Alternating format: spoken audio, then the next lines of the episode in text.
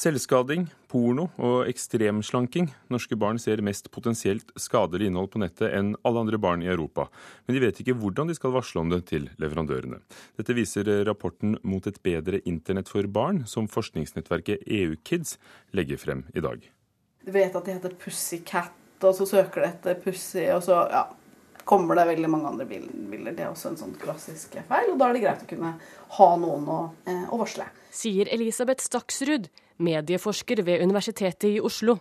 Rapporten 'Towards a Better Internet for Children' som legges fram i dag, viser at norske barn ser mer upassende eller skadelig innhold på nett enn noen andre europeiske barn. Den viser også at de svært sjeldent varsler om det. Det vi ser, eh, hvis vi sammenligner med resten av Europa, er at norske barn er blant de som opplever absolutt mest risiko på nettet, men de er også absolutt de som er flinkest til å håndtere risiko.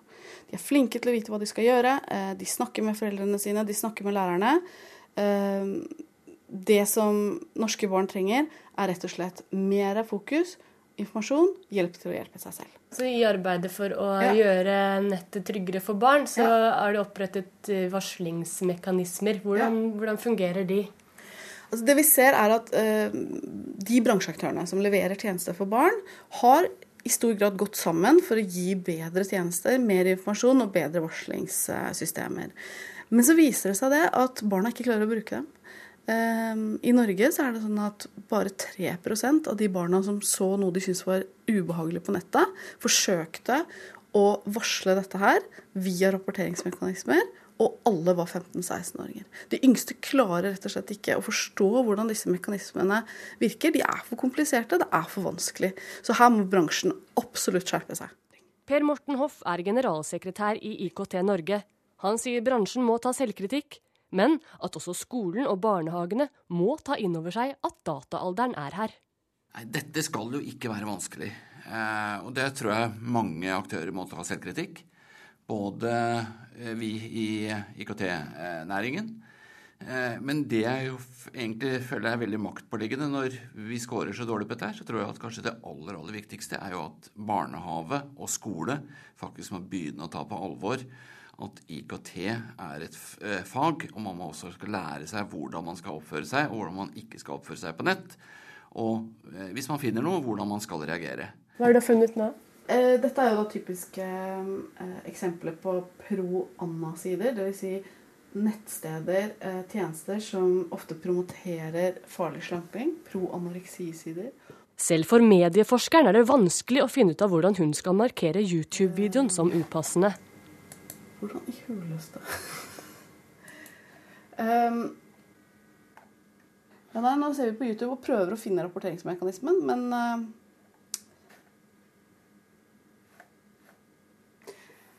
Kanskje. Ja. Det er et bitte lite flagg. Og når hun først finner fram, er språket neste hindring. Eh, man snakker om brudd på retningslinjene for fellesskapet, retningslinjer for nettsamfunn, misbruk av funksjonen. Dette er ikke språk som passer for en 9-10-åring. Dette synes Thomas Rigglesworth i Barneombudet er for dårlig. Ja, det, er, det, er, faktisk et ganske stort problem at så, eh, så, mange, og så mange barn under denne aldersgruppen også, ikke får en reell mulighet til å si fra og melde fra om, om, om brudd som skjer på disse tjenestene her. Eh, og eh, Vi tenker at disse store selskapene og også små selskaper som jobber med barn og unge, og som har barn og unge som målgruppe, må gjøre mye mer for å legge til rette for at barn og unge får en, som jeg sa, en reell mulighet til å kunne gi tilbakemeldinger. Og reporter var Ina Strøm. Kulturdepartementet holder tilbake 2,5 millioner kroner i tilskudd til det nordnorske filmfondet Filmcamp. Flere i filmbransjen har vært kritiske til fondets pengebruk. Filmcamp blir bl.a. skylda for å bruke pengene til å konkurrere med den lokale bransjen, for å realisere få regionale filmer, og for å ha investert i et heleid datterselskap, Filmcamp Viking AS. Noe kritikerne mener er å blande fondsrolle og næringspolitikk, skriver Klassekampen. Nå går kulturminister Anniken Huitfeldt inn og fryser fondsmidlene, samtidig som hun ber om ei utgreiing for pengebruken til fondet. Ifølge Klassekampen blir det satt spørjetegn ved bruken av 25 millioner kroner som er tildelt fra stat og kommune i perioden 2007 til 2011. Vi har holdt tilbake midlene til vi har forsikra oss om at vilkårene er oppfylte, bekrefter Huitfeldt. Hun vil nå gjennomgå Filmfondets virksomhet før hun kommer med videre konklusjoner. I ytterste konsekvens kan midler bli kravd helt eller delvis tilbakebetalt, sier hun. Filmfaglig ansvarlig ved Filmcamp, Svein Andersen, mener kritikken er urettferdig, men syns det er greit at departementet vil ha klarhet i hva som ligger bak. Filmcamp har bl.a. vært involvert i produksjonen av splettergrøsseren Død snø, det historiske dramaet Kautokeino-opprøret og komedien Hjelp, vi er i filmbransjen. Fortalte reporter Maria Pile Svåsand. Og økt internasjonal interesse for Edvard Munch har ført til eh, besøksvekst på Munch-museet i Oslo i sommer. I mai hadde museet en økning på 15 sammenlignet eh, med samme tid i fjor, skriver Dagens Næringsliv. Det var etter at Skrik ble solgt for eh, nesten 700 millioner kroner i New York i begynnelsen av måneden. Mange festivaler og konsertarrangører har altfor dårlige rutiner for å inngå nye kontrakter og booke artister. Det mener advokaten til Ekstremsportveko på Voss, som nå går til sivilt søksmål mot en konsertagent som de mener har svindlet festivalen for store summer.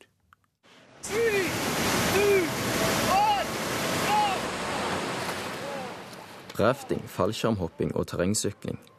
Mye var vellykket ved årets utgave av Ekstremsportveko i Voss. Men alt har ikke gått etter planen for festivalkoordinator Gjert Birkeland, som på Dagsrevyen i går fortalte at han føler seg lurt av en norsk konsertpromotør. Nei, det som har skjedd er at uh, vi har hatt en artist, uh, Blackstar, som uh, vi har booka til å spille en konsert på Ekstremsveka.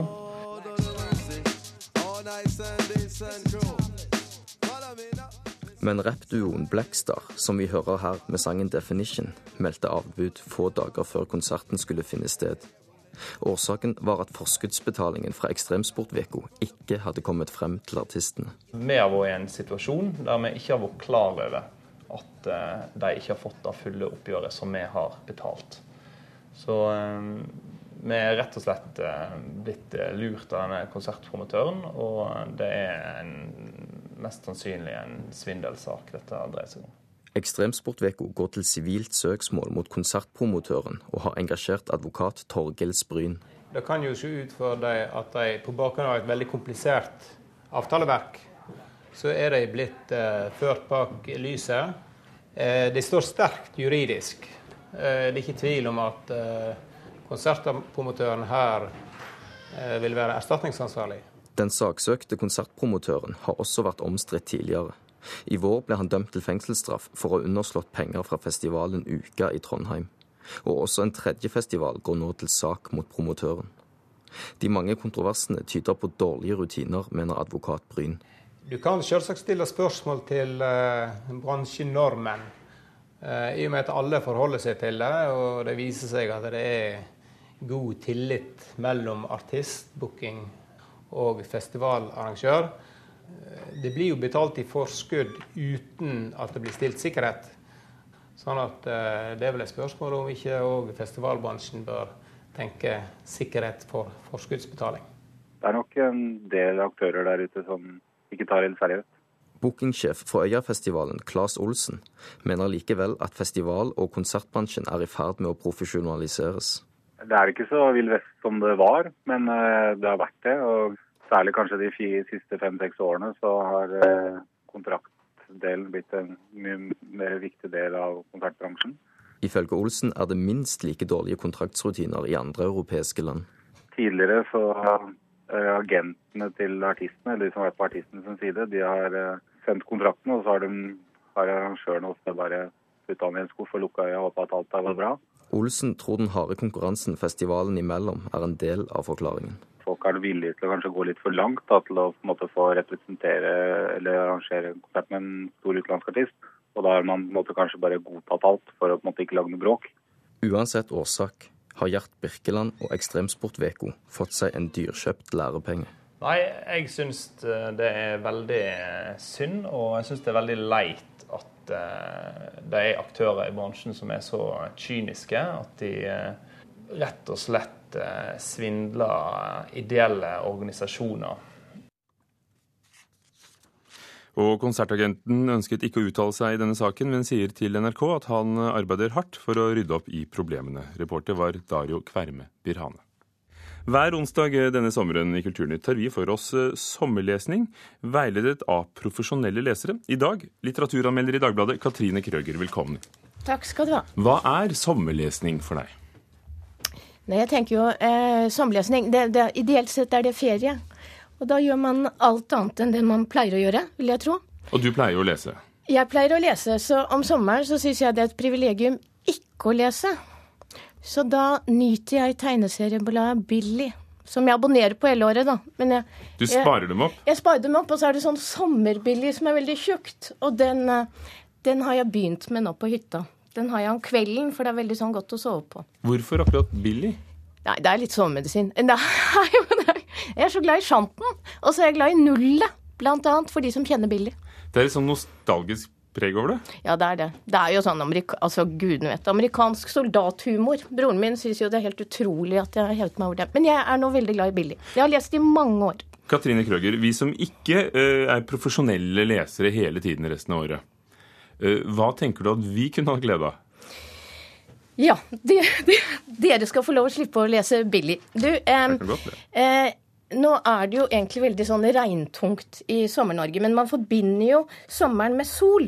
Så for de som har vært så heldige å komme seg på et sydentur, eh, så tenker man kanskje at eh, det å lese, det er å ligge i sola og lese. Og så har tyskerne et fantastisk ordspråk som heter 'Die Sonne macht. De er strenge ta, tyskerne. Ta det på norsk. Eh, at du blir litt dum av sola. Solen gjør dum. Ja. ja, solen gjør dum. Jeg tror det er antroposofene egentlig som er veldig glad i det. Tyske antroposofer. Men da tenker jeg at man skal lese noe veldig lett. Og bokhandlerne vet jo dette, så de, når sommeren nærmer seg, så stiller jo de ut litterære drops og feelgood og chicklit og eh, de, de, de, de følger jo sesongen. Og der er det en hel jungel? Du, det er en jungel, men det er faktisk eh, man tenker liksom at sånne underholdningsromaner er veldig sånn lette å skrive, men det tror jeg ikke det er. Og det er få norske gode underholdningsromaner. Det er en som heter Siri Østli. Som er faktisk litt sånn feelgood-dronning. Hun kom i fjor med en bok som heter Det søte liv. Den ble dessverre lansert sammen med Elin Rises luremus som var en lurebok. Og Det søte liv forsvant litt da, så derfor benytter jeg sjansen til å si at den burde leses i år. Den kom på pocket i forrige uke. Den, den handler om tre det, kvinner, har jeg lest meg til? Tre venninner. Altså det er sånn typisk sånn uh, Tre venninner, en som liksom blir forlatt av ektemannen, en som ligger med gud og hvermann og ikke vet liksom Bridget Jones-aktig. Altså den har alle ingredienser i en sånn feelgood-roman, det som ble kalt chicklit. Men den er, den er god, og den er morsom. Uh, og vil, vil den være så god at den går over skal vi si, kjønnsgrensene? Nei, det vet jeg ikke. Du, jo, nei, men mennene får jo så at den passer, for så vidt, stakkar. Så for de litt masochistiske menn, de vil sikkert uh, nyte det. Det søte liv. Uh, utsøkt krim? Utsøkt krim. Eh, krim er jo Tidligere var jo det påsken, knitrende peis, regn osv. Og, så og for å snakke sommerbok, så er det jo For de som ikke kommer seg til Syden, så kan man sitte foran peisen på hytta, sånn som jeg gjør med Billy. Eh, krim er det masse av. Altså, det flommer over, så det er liksom Det er egentlig bare å plukke. Det er jo mord, og man kan lese hva som helst. Jeg leser hva som helst. Jeg elsker krim. Men det er én bok som er helt fantastisk, og som har vært min kjepphest det siste året, halvåret. Det er en som heter Ferdinand von Chirac. Han er tysk forsvarsadvokat, barnebarn av en av Hitlers ministre. Han har skrevet to novellesamlinger oversatt til norsk, 'Forbrytelser og skyld'. De handler om juss, altså de handler om forsvarsadvokatens etiske dilemmaer. At juss ikke nødvendigvis betyr rettferdighet, og at skyldløse kan bli fri. Også for oss i forbindelse med 22. juli så er jo denne disse, altså de, er sånn, eh, de er så aktuelle at de er nesten skremmende å lese. Eh, og de er gode, for det, han har også et sånt krimplott på slutten. altså En sånn vri som gjør det spennende. Og så tror jeg faktisk de er hentet fra virkeligheten, mange av de. Han er jo altså, som du, som sa, en av Tysklands mest kjente forsvarsadvokater. Ja. Jeg så Ingvar Rambjørnsen, som også anmelder bøker, var helt, helt begeistret. Ja, vet du hva? Jeg, alle som har lest den, sier at det er det beste jeg har lest. Er det nesten essays? Går det an å si det? Eh, ja, altså for så vidt. Det er jo essays, men altså han, han, han, er god nok til å holde krimmen oppe til at det blir et plott òg. Så, så, den liksom er Den er underholdende nok, også for Sola. Også for de som Ferdinand von Chirac. Ja. Eh, skyld eller, eller Forbrytelser for to år siden. Og så det du kaller den første gutteromsromanen. Ja. Hamsun. Hamsun er opplagt. Jeg forbinder han med 'Sommer og sol', mysterier, Pan, hva som helst. Den mest den boka som for så vidt er mest ukjent hos Hamsun, kom i 1936. Siste romanen Hamsun skrev. Han holdt det selv for å være hans beste. Eh, ringen sluttet. Den handler om Abel Brodersen. Abel Brodersen er eh, en typisk eh, moderne mann. Han har ikke oppdrift. Han vil ikke bli noe. Han ligger med gifte og ugifte. Han er Samme hva han begynner på, så klarer han aldri å fullføre det. Han er livsvegrer. Og jeg tenker at det fabelaktige med den Han har til og med en skyggelue bak fram. Det fabelaktige med den er at han foregriper Erlend Lo og fremover. Ringen sluttet fra Ringen 1936. sluttet. Katrine Krøger, takk for at du kom og snakket om din sommerlesning. Eh, eller vår, først og fremst, Ja. kanskje.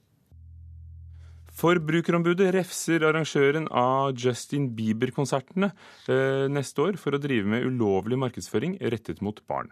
Nå legger arrangøren Atomic Soul seg flat, som det heter, for kritikken. Arrangørene av Justin Biebers to konserter i Norge, Atomic Soul, har brukt Facebook for å kommunisere hvor og hvordan fanskaren har kunnet kjøpe billetter til konsertene. I går kom forbrukerombud Gry Nergård med kritikk mot Atomic Soul for å drive med ulovlig markedsføring rettet mot barn. Da vi gikk inn på Facebook og så, så var det veldig um, eksplisitte oppfordringer til barn om å eh, kjøpe billetter. Vil si nærmere bestemt dra på Rimi og få tak i noen koder som ga dem mulighet til å kjøpe billetter. Og det er forbudt å ha sånne direkte kjøpsoppfordringer til barn i Norge. Så Derfor så ønsker vi å få stoppa den type markedsføring. Vi har sendt et brev til Atomic hvor vi ber dem stoppe det her umiddelbart.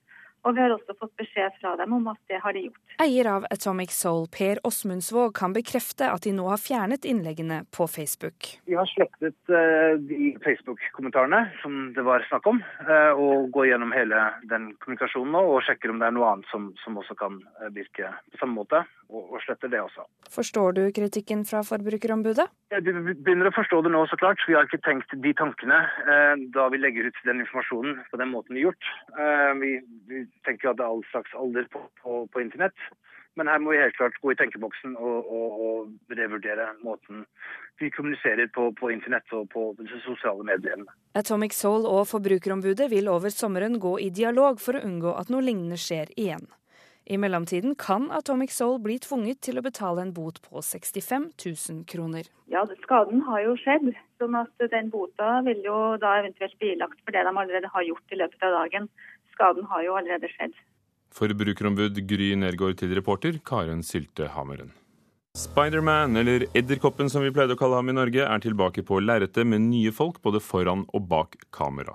Men eh, filmanmelder Andreas Hatzel Opsvik eh, synes en del går på autopilot i denne relanseringen av den kjente superhelten.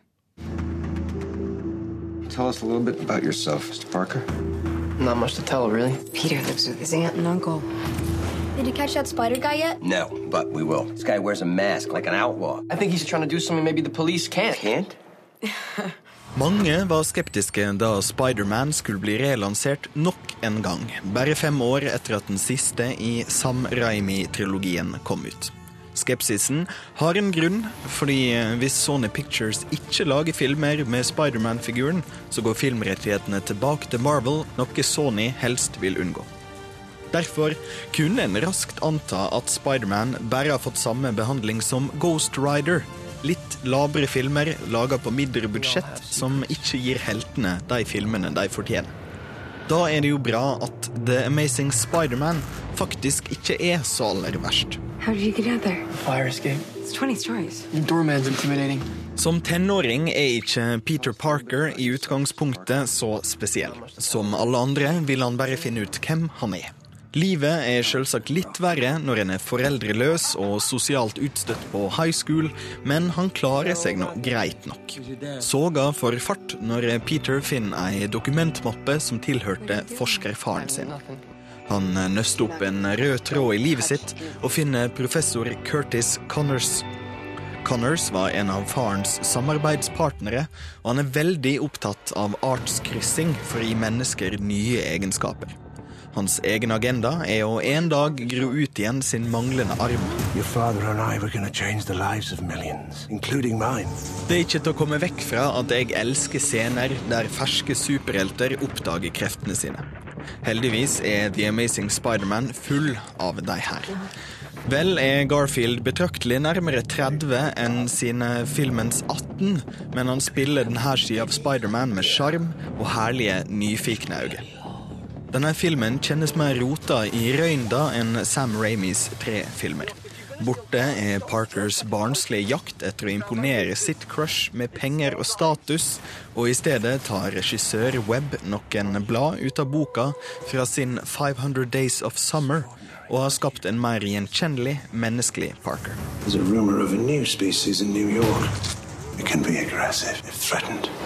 Den største appellen til filmens hovedskurk, The Lizard, er at han ikke har blitt portrettert på det store lerretet før. Reece Ephens gjør en god, sår tolking av en forvirra vitenskapsmann som egentlig bare vil verden godt, men manuset gir han ikke nok å spille på, og han ender opp med å bli en fotnote i skurkegalleriet. The Amazing Spiderman tilfører ikke særlig til superhelten som vi ikke har sett før, men går gjennom vante troper for å fortelle enda ei historie der tilegning av superkrefter er en slags metafor for å vokse opp. If you want the Peter, Spiderman er en superhelt med stort potensial for actionfylte scener, og det her løser filmen godt. Spesielt liker jeg den mer naturtro retninga de har valgt å ta for nettet hans, som i ei scene der han setter opp et spindelvev for å kjenne etter røsler, på samme måte som en edderkopp i jakt. Og som de fleste på hans alder ville ha gjort, mens han venter på vibrasjoner fra skumle kloakkbeist, så slapper han av med et mobiltelefonspill. The Amazing Spiderman er kanskje i tidligste laget for en nyskaping av denne figuren, men Mark Webb og co. gjennomfører en fartsfylt film med de elementene en venter av en stor Hollywood superheltproduksjon. Ikke særlig nyskapende, og ikke helt på The Avengers-nivå, men betraktelig bedre enn da vi så Edderkoppen på lerretet sist.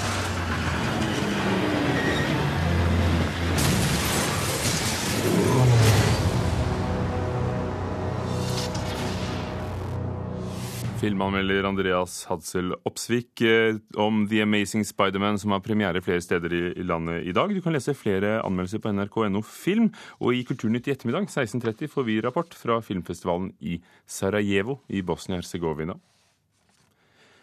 Det går eh, rykter om skumle konvolutter i Ekko i dag eh, klokken ni. Eh, Programleder Jan Erlend Leine. Og jeg kan bekrefte at ryktene er eh, sanne. De har til og med vinduer, disse konvoluttene. Og når vi spretter dem opp, opplever stadig flere av oss at hyggelige ord er bytta ut med hissig rød skrift og varsel om inkasso. Og det er spesielt ungdom som opplever at pengene de brukte uten egentlig å ha dem, fører dem ut i økonomisk trøbbel. Jeg vet ikke, Har du kanskje opplevd selv å få slike varsler? Nå er vel det kanskje et privat anleggende? Det, ja, det oppleves slik av mange. Det er et veldig privat spørsmål.